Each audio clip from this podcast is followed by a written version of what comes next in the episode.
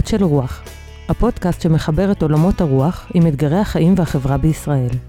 עורך ומגיש, ליאור טל שדה.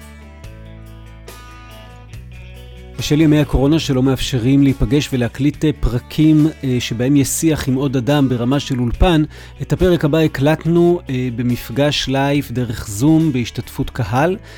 אני מתנצל מראש שהאיכות היא טיפה פחות טובה, אבל אני חושב שעדיין אפשר לשמוע כראוי את הכל. אז הנה הפרק על אמונה באלוהים ובאדם אחרי השואה. שלום לכם ולכן, אנחנו בקולות של רוח, ואנחנו בפרק ה-49, וזהו פרק מיוחד מכל מיני כיוונים. הוא מיוחד בגלל שלראשונה בתולדות הפודקאסט אנחנו מקליטים אותו אה, משתי נקודות שידור, שבשתיהן השתדלנו לשים את מיטב הציוד. אה, בנקודת שידור אחת שנמצאת בירושלים נמצא אה, ידידי אה, דוקטור הרב ליאון וינר דאו, שהוא מנחה בקולות, ובנקודת השידור השנייה אני נמצא. הוא מיוחד בגלל שהוא מוקלט כרגע בלייב אה, יחד עם עוד 50 אנשים נפלאים, אה, והוא מיוחד... בגלל שהוא פרק לקראת יום השואה, אה, פחות עליז ועליץ, אה, ואנחנו נעסוק באמונה באלוהים ובאדם אה, אחרי השואה. רגע לפני שנתחיל, אני רק למי שלא מכיר, אני אציג את ליאון, למרות שנדמה לי ש...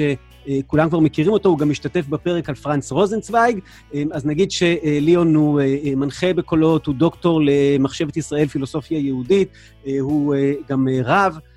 והוא, אמ, אה, מה עוד נגיד עליך, כתב אה, אה, ספר אחד בעברית וספר אחד באנגלית, שגם זכה לפרס, מומחה לרוזנצוויג, ואמרתי לליון שאני חושב שהשיחה הזאת תהיה מעניינת במיוחד בגלל ההבדלים הזהותיים בינינו, אבל אני לא רוצה להשתלט לך על הזהות ולהגדיר את הזהות שלך, אז ערב טוב ליאון, ובוא תגדיר את עצמך. ערב טוב ליאור ולכל המאזינים ומאזינות. איך אני אגדיר את עצמי? אני אגדיר את עצמי כיהודי שעלה ארצה אה, לפני 25 שנה, אה, יליד ארצות הברית, אה, עם אורח חיים של שמירת מצוות עם מחויבות לשוויון מגדרי. אני בינתיים נסתפק בזה. אוקיי, יפה. התחמקת מהרבה מילים שיכלו לה... משתדל, משתדל, משתדל. יפה. טוב, uh, הנושא המרכזי של הפרק הוא בעצם קצת כבד, והוא לשאול את השאלה האם אחרי השואה ואחרי אירועי המאה ה-20 עוד אפשר להאמין במשהו באמונה שלמה, ואנחנו נתמקד, כשאנחנו שואלים אם אפשר להאמין במשהו באמונה שלמה, באמונה באלוהים ובאמונה באדם. הדרך שנעשה את זה היא שבפחות או יותר רבע שעה הקרובה נדבר קצת על אמונה באלוהים, ממש ממש על קצה קוצו של יוד, ואחרי זה נדבר על אמונה אה, באדם.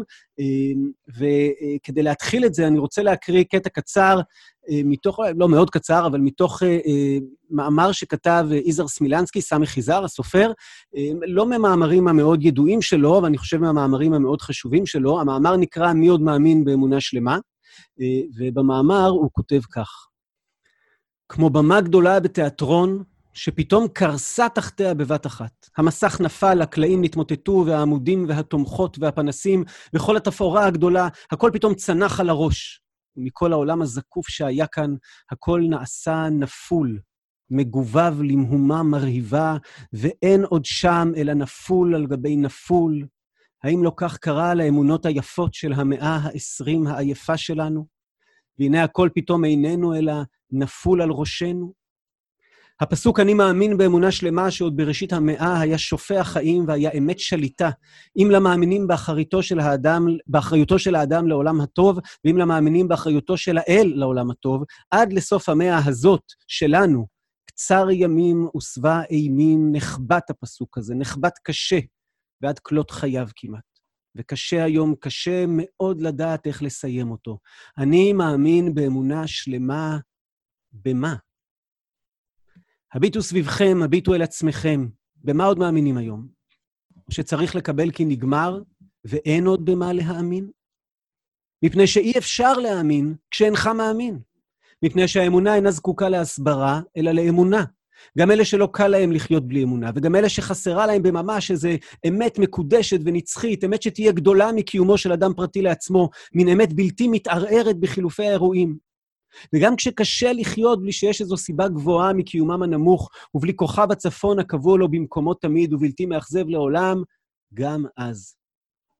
וכך, לעומת פסוקי האמונה הדתית, מוצא גם המאמין החילוני פסוקים יפים משלו, כגון אני מאמין באדם, או בצדק חברתי, או בשכל האנושי, או בחופש האדם, וכל כיוצא באלה ערכים הומניים רוממים שבוראים לו לאדם החילוני מבקש האמונה, כאילו יש לו איתם איזה יותר שהוא, גבוה מעל מישור החיים השטוחים, ושאיתו הכל מקבל משמעות נוספת, ובלעדיו הכל נראה שומם וסתמי.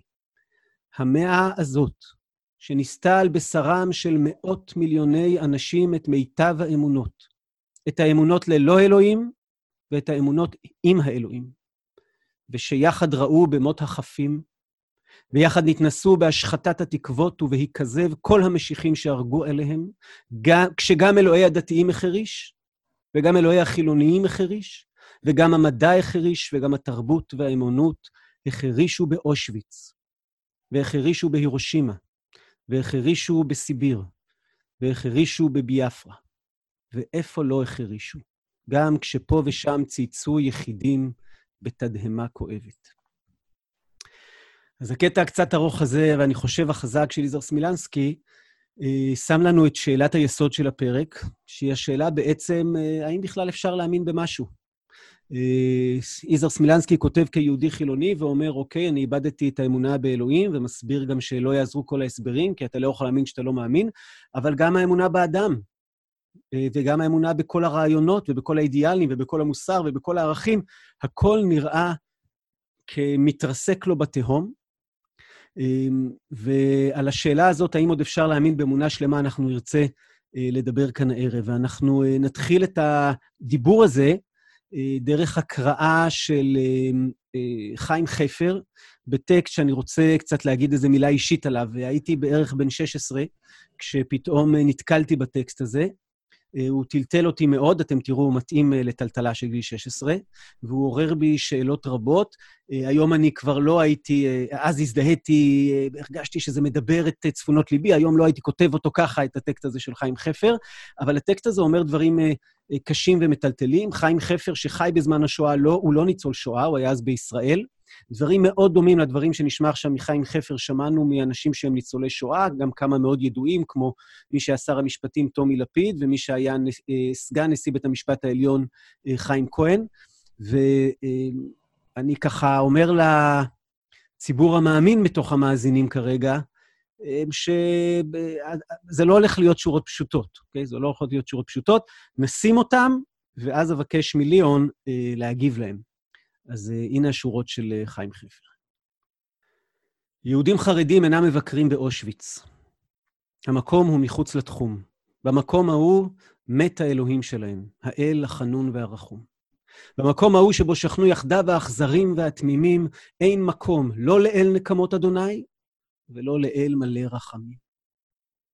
רק להביט אל מחלפות השיער של האלמות, אל הררי המשקפיים, אל נעלי הילדים, אל התנורים הקרים המספרים כמיליוני עדים, כי אלוהים לא היה שם. לא, לא היה שם אלוהי היהודים. יהודים חרדים אינם באים לאושוויץ. באים לשם ילדי השומר הצעיר, באים ילדי התק"ם. הם בוכים את שבר בת עמם, בוכים את עמי העולם ושתיקתם. בוכים את התהום אליה הגיעו הטורפים אשר באדם, ואין איתם כיפה שחורה ואף לא כיפה סרוגה, רק הדמעה והאלם. ואין אלוהים שם. כי הם יודעים שהאלוהים הוא-הוא שלא נברא בצלם. אלוהים הוא שלא נברא בצלם אדם, בצלם תינוק שאימו נשחטה, בצלם מיליון וחצי ילדים, עם שלא ידע ולא חטא.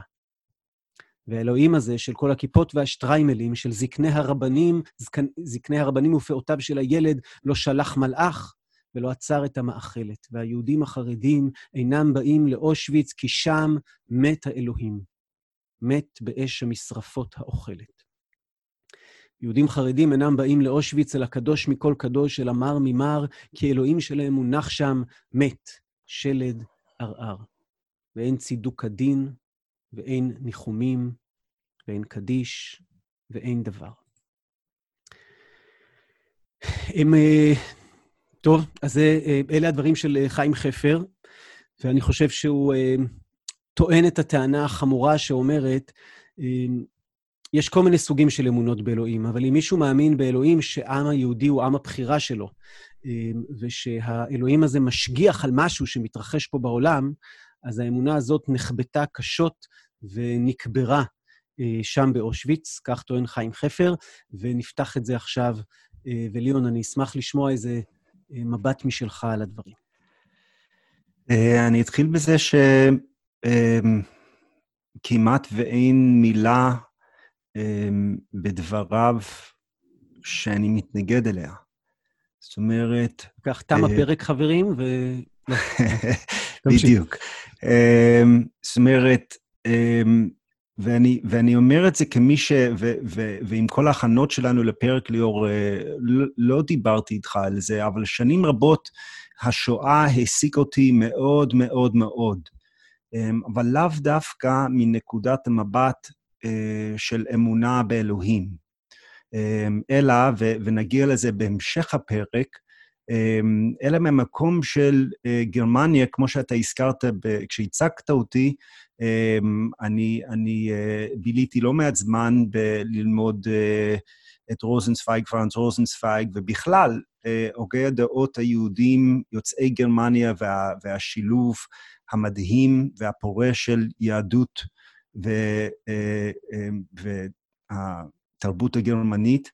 אמ, זה שהשואה התרחשה שם, אה, גרם לי לשבר אישי מאוד מאוד גדול. אבל אני חוזר ואומר, לא בגלל השאלה של איפה אלוהים היה. מבחינתי, אה, עם כל מה שחיים חפר אה, כותב, השאלה לא השתנתה, השאלה של איפה אלוהים היה בשואה, היא לא שאלה שונה במהות מאיפה אלוהים היה בזמן החורבן אה, או בזמן אה, של, אה, כמו שאלישע בן אבויה מספר במסכת פסחים, שאיזה ילד מטפס על סולם כדי לכבד את הוריו, והוא נפל ומת. השאלה של נוכחותו של אלוהים בעולם שבו רע מתרחש, ו- ו- ורע באשר הוא, אבל על אחת כמה וכמה כשזה רע אנושי, ואי אפשר אפילו להאשים את הטבע, אה, השאלה הזאת אה, עומדת בעינה כשאלה קשה, שאלה דתית מכוננת, אה, לפחות מאז ימי איוב. אתה יודע, לפעמים, לפעמים כשיש משהו שהוא הוא, נמצא שם תמיד, אבל הוא מגיע בעוצמות אדירות שכאלה, והוא מגיע בעוצמות אדירות לא במין, אלא לעם היהודי כעם יהודי. כן. זה מעורר איזו התפרצות של השאלה מחדש. כן, זה נכון, אבל, אבל גם, קודם כל, כעם היהודי, גם חז"ל ידעו אה, אה, גם, אה, גם ספר איכה מתמודד בחורבן הבית עם זה שכעם היהודי לכאורה נענשנו, ואיפה אתה אלוהים, ואיך אתה נתת לזה לקרות, וכולי וכולי. זאת אומרת, זה במובן הזה, בדברי קהלת, כדברי קהלת אין חדש תחת השמש. זאת אומרת, אז, אז אנחנו עכשיו במינון של 11 במקום 10 או 9 ברמת הסבל. אה, האנושי מבחינת מספר האנשים שנרצחו, מבחינת האכזריות. אה, מבחינה, מבחינה מושגית, אני לא מרגיש ש... ש אה, לזה, סובל יותר בעקבות השואה מאשר שהוא סבל לפני השואה. זה לא אומר שאין שאלות קשות כלפי, כלפי אלוהים או כלפי האמונה באלוהים, אין טרוניות, אין התרסות. אמ, כמו שאפילו כבר בגמרא, כן? זאת אומרת, המודל אה, במסכת ברכות של תפילה לאלוהים זה התרסה אה, כלפי מעלה, אבל אמ, במובן הזה אני לא חושב שזה, אמ, לפחות אותי זה לא מעסיק, ולכן אני קורא את דבריו החודרים של חפר ואומר, נכון, נכון, נכון. אני דווקא רוצה להגיע או להציע שמה שבשבילי הוא יותר קשה, ופה אני אתן לך, אה, ליאור, להוביל אותנו לקטע שמתוך דבריו של פרימו לוי, אולי תגיד לנו רק מילה על פרימו לוי, הוא גם יחזור אחרי זה בהמשך. כן, נכון. פרימו לוי, ניצול אושוויץ, יליד טורינו באיטליה, כימיקאי במקצוע, והוא כתב, הספר הראשון והנודע שלו זה "הזהו אדם", שהוא מספר על חוויותיו באושוויץ. והוא כותב, הוא כותב את הדבר הבא. הוא כותב, הנזלת והשפעת לא היו מחלות מוכרות במחנה הריכוז, אבל אנשים מתו שם, ולעיתים במפתיע, ממחלות שלרופאים לא הזדמן מעולם לעמוד על טבען.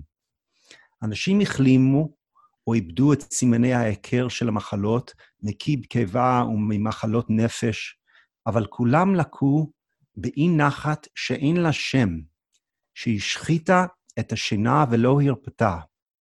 להגדירה כנורוזה פירושו להמעיט מערכה, וזה מגוחך. אולי נכון יותר יהיה להכיר בה חרדה קדמונית. אותה חרדה שבת קולה מהדהדת בפסוק השני של ספר בראשית, חרדת התוהו ובוהו, שחותמה טבוע בכל אחד, חרדה מפני יקום שומם וריק, יקום שרוח האל עומדת עליו למעוך אותו, אבל רוח האדם נעדרת ממנו. קודם שנולד, או שמא כבר דעכה. אמ, אני, הייתי מתחיל שם, כי לוי, בעיניי, למרות שהוא מגדיר את עצמו כלא מאמין, והוא אפילו אה, מספר בצורה אה, אה, מעוררת אה, צמרמורת את האופן שבו הפעם היחידה, אחת ויחידה, את זה הוא, הוא אה, מספר עליו אה, בספרו האחרון, השקועים והניצולים, שרק פעם אחת אה, הוא התבטא בכלל אה, לחשוב על האפשרות של לשחרר תפילה מהפה שלו, וזה היה ב-1944, כשהוא עבר הפעם הלא יודע מה לפני סלקציה, והוא החליט שלא לעשות את זה כי הוא אמר שזאת תהיה תפילת שווא, הוא מגדיר את זה לא במונחים דתיים, אבל שלו הוא היה שורד, הוא היה מתבייש מהרגע של אה, של השבר הזה. עכשיו, אני מציין את זה כי אה, לוי אה, לא היה מאמין, ויחד עם זאת, אני חושב שהוא קולע בצורה מאוד מאוד מעמיקה כאן, שיש מתחת לכל היקום תוהו ובוהו, והתוהו ובוהו שמבצבץ מתחת ליקום שהוא התשתית של הבריאה האלוהית, קשור קשר עמוק לתוהו ובוהו אה, של האנושות. וה, וה, והשבר המאוד מאוד גדול בעיניי של השואה, הצל הבלתי אפשרי אה, של השואה, אה, זה בגלל התוהו ובוהו של הרוח האנושית, רוח האדם שנעדרה. אה, מהשואה. עוד נצטרך לחזור ולהתעמק בזה, אבל, אבל אני חושב ששם, לפחות בשבילי באופן אישי, אה, שם התוהו ובוהו שמאיים אה, לבלוע. תראה, אני, אני אעשה עכשיו משהו ש... לא יודע, אולי אסור לעשות אותו, אני אעשה אותו בכל זאת.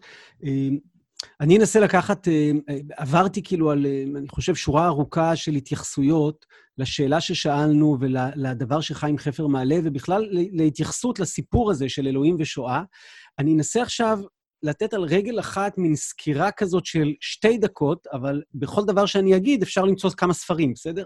סקירה של שתי דקות לתפיסות שונות שמבקשות להתמודד עם השאלה הזאת של אה, אה, אלוהים ושואה, או איפה היה אלוהים בשואה. אז התפיסה האחת היא התפיסה שבעצם חיים חפר העלה אותה, ושחיים כהן אה, הביע אותה מאוד חזק בציבוריות הישראלית, שאמר, השואה הוכיחה בצורה סופית ש... בכל מה שקשור, אה, אה, שפשוט אין אלוהים, אוקיי? ש, שלא יכול להיות, שזה לא יכול להיות שיש אלוהים. השואה כאילו הוכיחה את הדבר. זאת אומרת, תפיסה אחת היא תהיה התפיסה האתאיסטית. יש תפיסה דומה לה, אבל, אבל יחד עם זאת מאוד שונה, שאומרת אה, שההבנה של אלוהים שמתערב בעולם היא הבנה שיש בה ילדותיות מסוימת. יש אלוהים, אלוהים זה דבר נשגב שנמצא מעל, אבל הוא אף פעם לא מתערב. וכל הרעיון של שכר ועונש וכל הר... הרעיונות האלה שאנחנו מכירים אותם מאוד חזק, הם רעיונות שבאים ללמד אותנו דברים, אבל הם לא רעיונות של מציאות. אמ, אני חושב שגם, אה, לא שאני מייחס את הגישה הזאת לישעיהו ליבוביץ', אבל לישעיהו ליבוביץ', אה, כשמישהו היה אומר לו, בני הבריא ממחלה קשה בעזרת השם, הוא היה משיב לו, אה, ובני נפטר ממחלה קשה בעזרת השם, ואמר את המשפט, אם אתה מאמין בעזרת השם במובן העממי, אם אתה מבין, אם אתה אה, מאמין במושג השגחה במובנה העממי, הרי שגם נשרפו שישה מיליון יהודים בתאי הגזים בעזרת השם. הוא מנסה להגיד, אלוהים פשוט לא מתערב. תפיסה אחרת, אני ממשיך בציר הזה, כן, תפיסה אחרת אומרת שאלוהים בדרך כלל מתערב, אבל יש מושג שנקרא הסתר פנים, ויש תקופות, יש רגעים, יש סיטואציות שבהם אלוהים מסתיר את פניו, הוא בכלל לא מתבונן, והוא מסתיר את פניו ממה שמתרחש, ומה שקרה כאן היה הסתרת פנים. אם אנחנו ממשיכים, אז תהיה תפיסה שמרגיזה רבים, שאומרת, לא, לא רק שאלוהים מתערב, אלא שברור שהשואה היא סוג של עונש. ואפשר למצוא את זה, אני חייב, באופן אישי, לצערי, בכתביהם של רבים, וזה מעניין גם אה, עד כמה נמצא ביניהם הבדל. הרבי מסטמר כתב שהשואה היא עונש על הציונות. בגלל הציונות הייתה שואה. הרב צבי יהודה, כן, הבן של הרב קוק הידוע, הרב צבי יהודה כתב שהשואה היא עונש על זה שלא היינו ציונים. כי אם היינו ציונים, אנשים היו עולים לארץ, ו... ולכן השואה היא עונש על היעדר ציונות. אז הנה, שני אנשים, וכל אחד מוצא בהשקפת עולמו את, את למה הייתה השואה. יש גם תפיסה קצת יותר, אני, חוש... אני, אני רואה אותה כתפיסה דתית בוגרת כזו, שאומרת, כן, יש פה שאלה שאנחנו לא יודעים לענות עליה. אלוהים היה שם, אין כזה דבר שאלוהים לא נמצא. הרב עמיטל, כניצול שואה, אמר, אני, מה זאת אומרת? אני ראיתי אותו שם, ראיתי. זה, זה, אי אפשר היה לפספס שאלוהים מעורב בסיפור, ואני מכיל את הדבר, אין איך לענות, אין איך להסביר, ואסור, לא רק שאין איך, אלא אסור אה, לנסות ולהסביר. אה, ולבסוף, יש את הגישה שנדמה לי, ליאון, אתה פתחת איתה. הגישה שאומרת, זו בכלל לא שאלה על השואה. זאת שאלה על איך קיים רוע בעולם. בשאלה הזאת מתעסקים ממתי שהתחילה חשיבה דתית בעולם וממתי שהתחילה חשיבה יהודית בעולם, ולכן זו בכלל לא שאלה על השואה. אז ניסיתי לזכור ככה ממש על רגל אחת, ובזה אני סוגר, ברשותכם, את החלק על אמונה באלוהים, למרות שיש עוד הרבה הרבה מה להגיד. ואני רוצה ללכת לאזור שבו ליאון סיים, שהוא אמר אה, שהטלטלה הגדולה שלו בכלל לא הייתה בעקבות אה, אלו, איפה אלוהים בשואה, אלא הטלטלה הגדולה שלו הייתה איפה היה האדם בשואה. ולגבי רוח האדם. אז אני רוצה להציב פה שאלה מחודשת, ואז אה, נמשיך את ההקראות ואת השיחה. והשאלה המחודשת אומרת כך, קודם כל, האם היה משהו ייחודי במהות של הרוע האנושי שהתגלה בגרמניה הנאצית? האם זה עוד מקרה של אה, רוע, רק שהוא לקח קצת יותר זמן ובגלל טכנולוגיה הצליח קצת יותר, או שיש שם משהו ייחודי? ואם כן, מה יוצר את הייחודיות הזאת? עכשיו, אנחנו זוכרים שהתרבות הגרמנית של התקופה ההיא, אנחנו מדברים על שיא התרבות המערבית, על שיא הנאורות. יותר מזה, אנחנו יודעים שזה היה אחד המקומות שבהם יהודים השתלבו בצורה הטובה ביותר באותה תקופה. זאת אומרת, היה שם גם פסגה של התרבות המערבית וגם פסגה של שילוב של יהודים. איך יכול להיות שדווקא בשיא המערביות, בשיא הנאורות ובשיא השילוב היהודי, הדבר הזה קורה? והאם האם אנחנו מעמידים את זה על גרמניות ויהודיות, או שאנחנו מעמידים את זה על בני אדם? עכשיו, הדבר הזה שהוא שיא של טלטלה, שאומר דווקא שם זה קרה, יכול לערער בצורה דרמטית, נדמה לי, את האמונות שלנו, ועל זה יש אה, לז'אנה מרי ולפרימו לוי ולליאון כמה דברים אה, להגיד. אז ליאון, אני מחזיר אליך. כן, אז אה, אני, אני רוצה להתחבר אה, לדברים האחרונים אה, שאמרת ליאור, ולהגיד שה...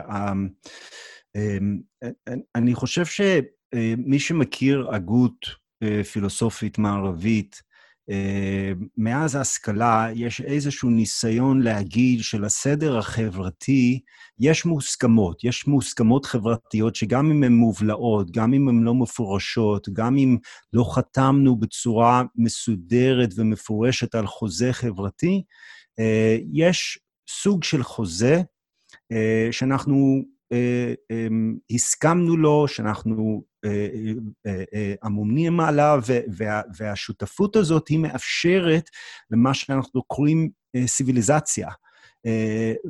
נולדות מתוך, מתוך חוזה שכזה זכויות וגם חובות חברתיות.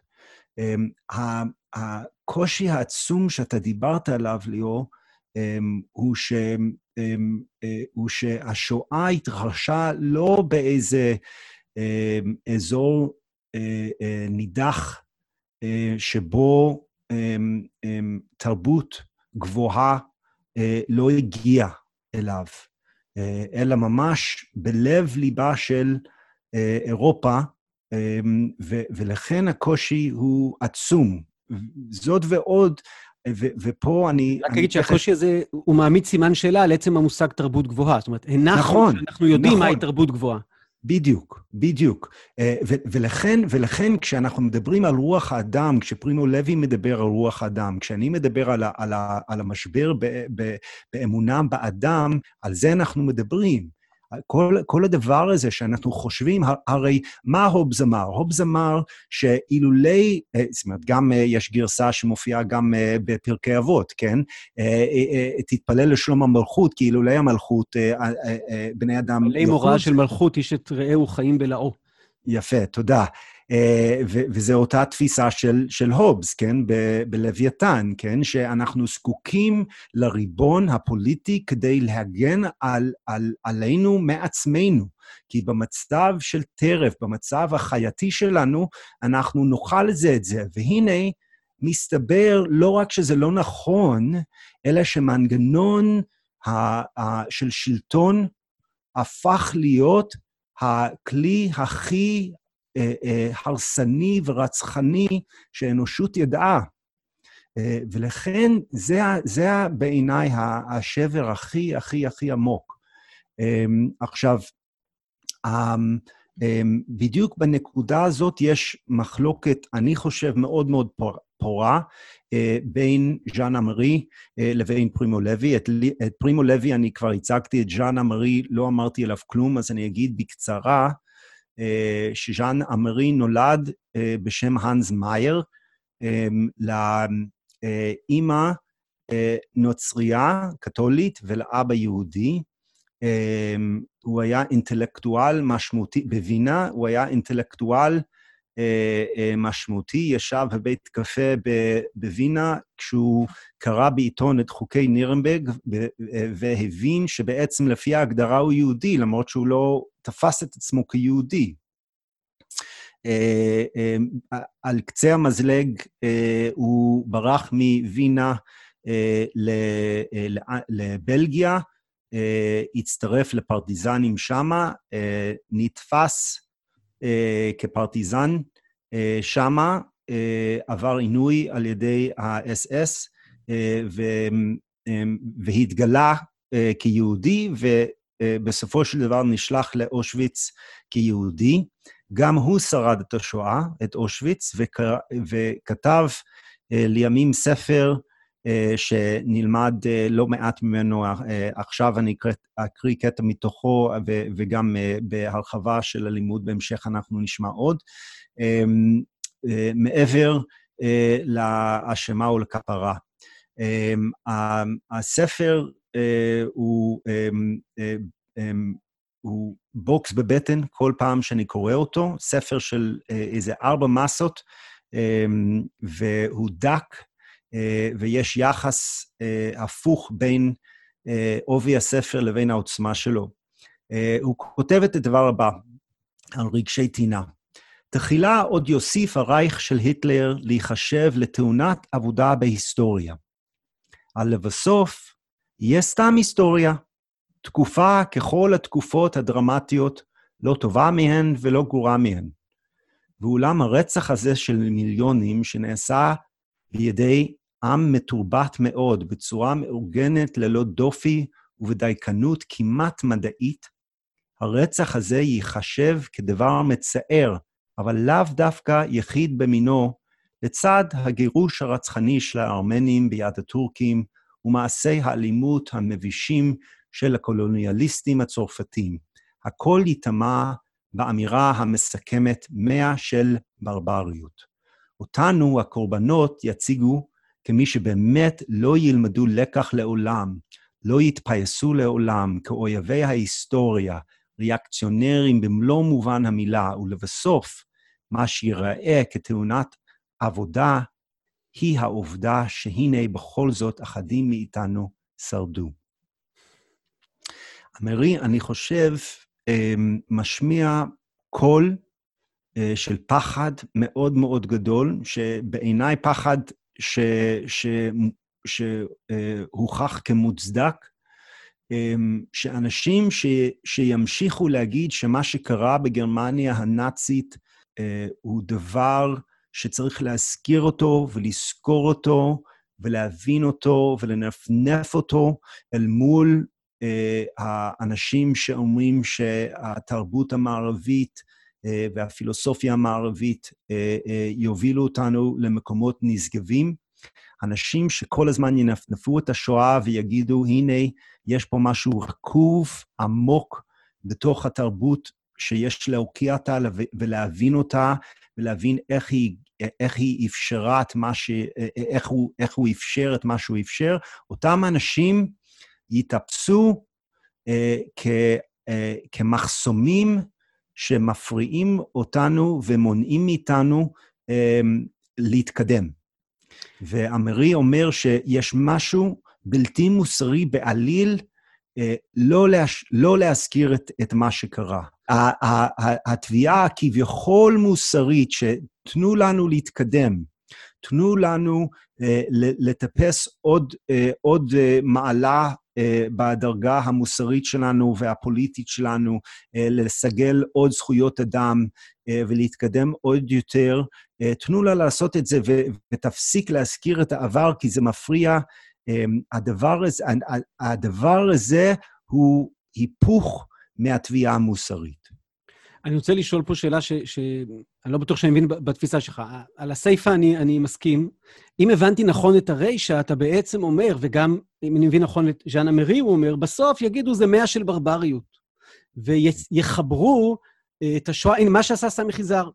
כן. הוא אמר לנו, נכון? הוא אמר, הם, אה, אה, אלוהים אלוהים החריש באושוויץ, נכון. והחריש בהירושימה, והחריש נכון. בסיביר, והחריש ב... ובסוף ישימו, בדיוק מה שהוא עשה, ישימו את הכל ביחד ויגידו זה אותו דבר, והוא כן. מתנגד לזה נחרצות ואומר, זה לא אותו דבר. עכשיו, כן. אבל לכאורה, כשאני שאלתי אותך על אמונה באלוהים, זה, זאת הייתה תשובתך, זה אותו דבר.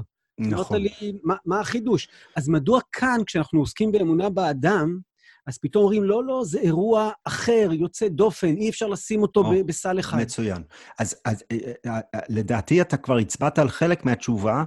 חלק מהתשובה זה, בפתיח שלך לחלק הזה של השיח שלנו, הצבעת על זה שגרמניה ייצגה את פסגת התרבות האנושית והמערבית, לפחות אה, על פי תפיסתה היא. זאת אומרת, אה, אה, ולכן, ולכן, אה, אם זה קורה, אם זה בן אדם שפל, אם זה, אם זה קורה בעולם, אה, במדינה לא דמוקרטית, אה, שאנשים תופסים את המושכות, רודן תופס את המושכות ולוקח את המדינה הצידה, ואונס את העם לשתף פעולה בגלל איום על שלמותו וכולי וכולי, אז אנחנו נוכל לתרץ את זה, אבל זה לא מה שקרה. זאת אומרת, אה, אם אני מבין נכון, תגיד אם אני מבין אותך נכון, אתה לא אומר אמ, שהשואה יכלה בעצם להתרחש רק בגרמניה, שדווקא השיא הזה של המערביות והשיא הזה של הנאורות והשיא הזה של אשליית אה, אה, האמנסיפציה והשוויון, הם אלה שאפשרו את השואה, אלא אתה אומר, אם זה יתרחש אפילו שם, אז זה יכול להתרחש בכל מקום, אבל זה אוניברסלי, או שאני לא הבנתי נכון. אה, אתה... אה, אמ, אני חושב שאתה צודק ש...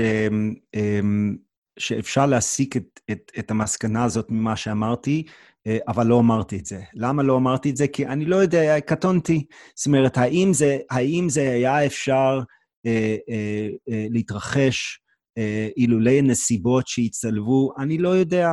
אה, כמו שאני לא יכול להגיד אה, אה, מה יקרה מחר, אני לא יודע אה, לו השתלשלות האירועים ההיסטוריים שהתרחשו, אה, לו, לו ההצטלבות או ההשתלשלות הייתה קצת אחרת, היינו מגיעים לאותה תוצאה. אני לא יודע. אני יכול להגיד את הדבר הבא.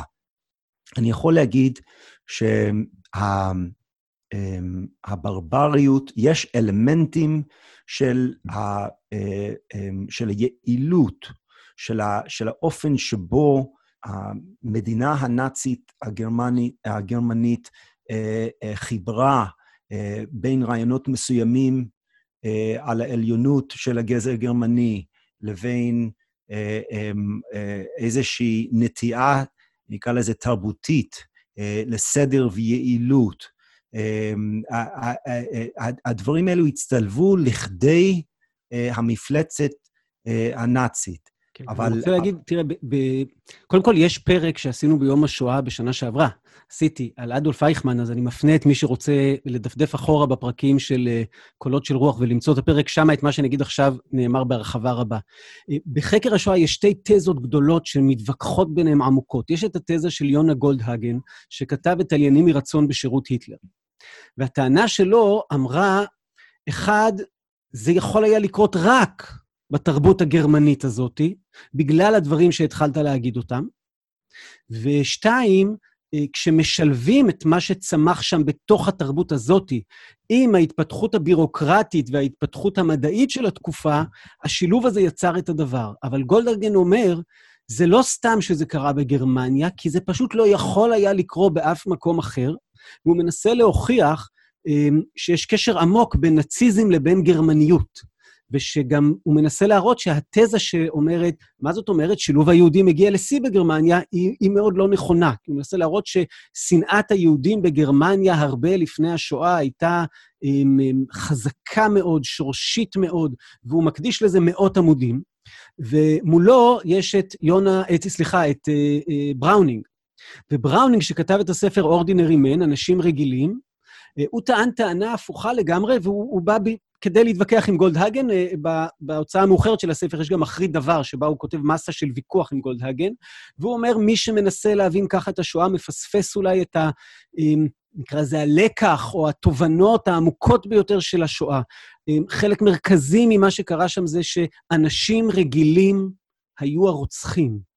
ושהדבר הזה יכול לקרות בכל מקום, ושהוא אה, הראה איך יחידה, שהיא במקרה יחידה 101, מה שמעורר אסוציאציות ישראליות, אבל יחידה 101 אה, בוורמאכט, שבכלל לא הייתה אמורה להתעסק בהשמדת יהודים, ושרובה המוחלט היה של אה, אנשי מילואים לא גרמניים שגויסו לצבא הגרמני, איך היחידה הזאת היא הפכה להיות יחידה של רוצחי יהודים, והוא מנסה להראות שם איך בעצם הסיפור הוא שאנשים, דרך, כמובן, עכשיו צריך להתחיל לשרטט איך זה קרה, אבל דרך שורה של דברים הפכו לרוצחים ברמה הזאתי.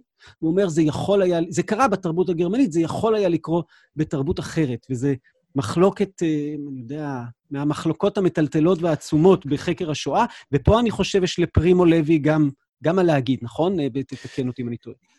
כן, אבל, אבל אמ, פרימו לוי יותר מצטדד עם בראונינג מבחינת אה, התפיסה שלו, אבל, אבל דווקא אני רוצה להבליט את אה, דבריו של אה, אמרי, שהוא אמ, הרי, אמ, אני חושב שהתפיסה הראשונה,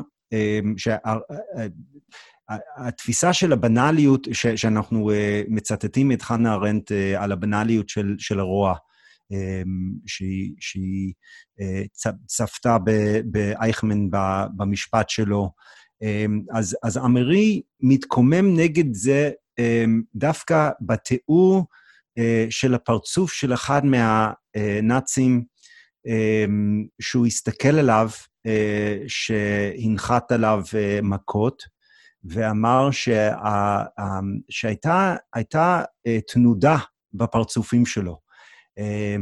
זה למכור את זה זול מדי, להגיד בנאליות של הרוע.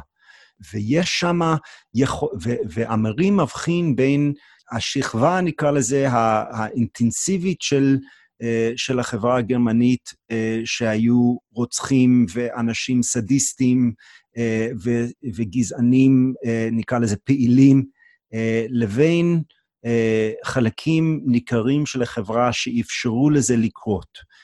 שכמובן, מה שמאפשר לדבר, לקטסטרופה ולרצחנות בממדים שכאלו לקרות, זה שילוב של המון המון המון דברים. חלק מזה זה סבילות או חוסר התערבות של המון המון אנשים, וחלק מזה זה איזושהי תשתית תרבותית, ערכית, שמאפשרת התנהגות שכזאת.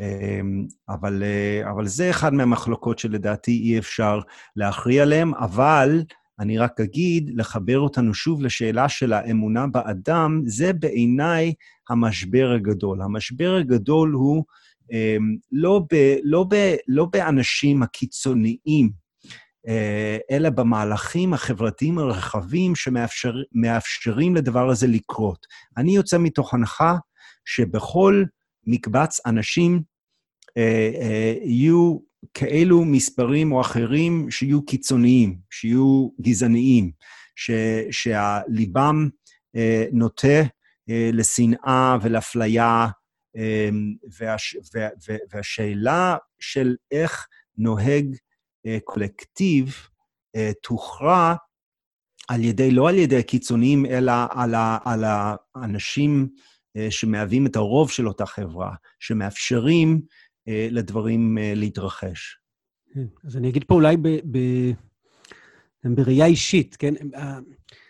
משהו באמון שלי באדם, במובן של הטוב שבאדם, נסדק לא רק בגלל השואה, אלא דווקא בגלל הצד הטוב במלחמה הזאת. כאשר על מנת לסיים את המלחמה הפילו את פצצת האטום בהירושימה, ומי שעשו את זה היו טרומן וארצות הברית. אה, בהפלה של הפצצה הזאת היה גלום אה, רוע עצום, אה, אבל יש על זה ויכוח, ויכול להיות, ואני, בואו ניקח את ה... נדון לכף זכות, ש, שהטענה שהביעו בפני טרומן בעת ההיא, שאם הוא לא מפיל פצצת אטום, אה, המלחמה לא תיגמר ותימשך עוד שנה, ויהיו עוד אה, אה, מאות אלפי הרוגים אמריקאים וכן הלאה, אולי הייתה טענה נכונה, אבל יש דבר אחד שהוא, אנחנו יודעים אותו היום כמעט בוודאות. את נגסקי לא היה צריך. זאת אומרת, את פצצת האטום השנייה לא היה צריך. ואם הצד הטוב בסיפור, שנאבק על החופש ועל הדמוקרטיה וכנגד הרוצח השפל הזה, אם הצד הטוב בסיפור היה מסוגל להטיל את נגסקי, שמה משהו באמון הפנימי שלי נסדק עמוקות, ואני אבל רוצה להגיד שאני חושב, אם, אם, אם מדובר על אמונה תמימה, בזה שהאדם הוא יצור טוב, ושים אותו ברגעי מבחן, והוא יעשה את הטוב, אז אני חושב שהאמונה הזאת היא מתרסקת.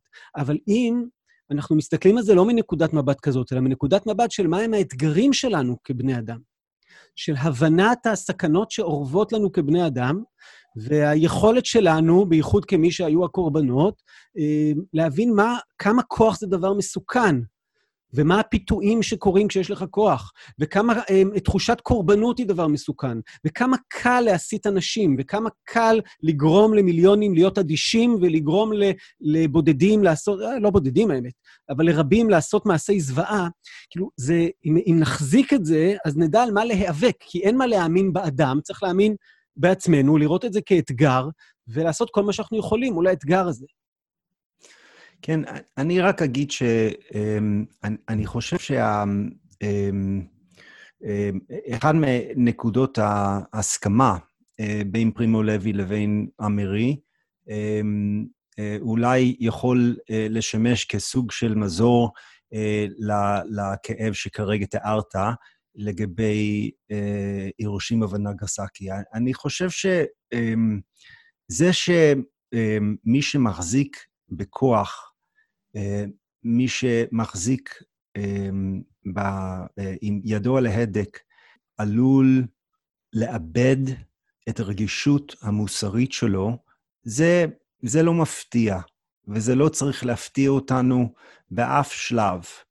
אה, מה, ש, אמ, מה שפרימו לוי ואמרי מתארים, שניהם בצורה מאוד מאוד דומה, זה הכניסה אל הלאגר, הכניסה אל אה, מחנה השמדה, והאופן שבו זה היה מחושב כדי שכל אחד ייכנס ויהיה לחלוטין לבד, יהיה בלבול בשפה, ואנשים לא ידעו, אה, אה, אנשים אה, היו דרגות שונות בתוך, בתוך המחנה, כדי שבכניסה של מישהו הוא לא ידע מי בעצם בצד שלו ומי לא. ובעצם, ו, וכתוצאה מזה, כל אחד נכנס ללאגר, למחנה הריכוז, כיחיד, כאטום. שניהם מתארים את, ה, את החוויה הזאת. עכשיו, אני מציין את זה כי אני חושב שיש בזה משהו, אה, אה, יש סוג של, אה, נקרא לזה גאולה, או, או מנוחה, או הרגעה להגיד שהיה משהו בתחכום של אה, אה, מכונות ההשמדה אה, הנאציות, אה, שמצד אחד, זה מפחיד עד כמה זה היה מתוחכם, מצד שני, אה, זה לא אותה נטיעה פזיזה או, או קהות מוסרית שהרבה מהמנהיגים שלנו, או הרבה מהחברות שאנחנו מכירים, לוקים בהם. זה משהו הרבה יותר קיצוני, הרבה פחות נפוץ, אבל כמובן באותה מידה הרבה יותר מסוכן. טוב, לסיום החלק הזה, שאתכם נקרא עוד קטע אחד מאותו מאמר של יזהר סמילנסקי, כך מסתיים המאמר, מי עוד מאמין באמונה שלמה. כי איך זה להיות אדם חסר אמונה, אדם שבור אמונה או אדם מיובש אמונה? האם קשה להתקיים? האם נורא לחיות גם בלי אמונה? האמנם זה באמת כל כך נורא? והאם זה רק רגע זמני, או שזה מצב בסיסי ששוב אין לו תקנה?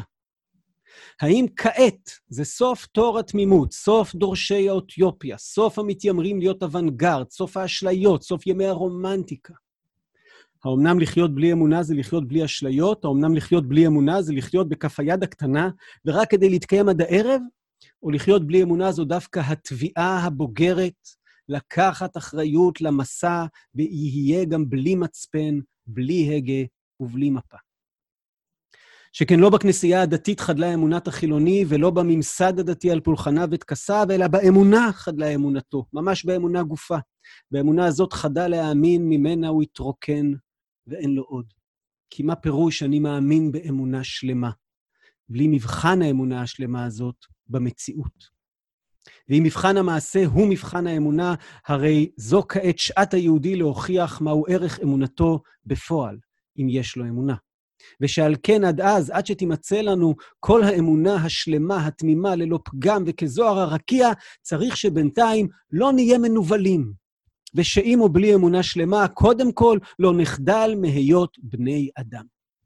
אינני יודע אם אתם מאמינים, ובמה אתם מאמינים באמונה שלמה, וגם אין לי רשות לשאול אם אמנם יש לכם איזו אמונה כלשהי, שלמה או חלקית, או רק מפעם לפעם, כזאת מין אמונה שיש משהו שהוא מעל היומיום, שהוא מעל המועיל, הפרטי, המיידי, שיש משהו שמחייב אדם, ומשהו שאיתו היומיום נעשה כדאי, ובלעדיו הוא נשאר אפור וסתמי.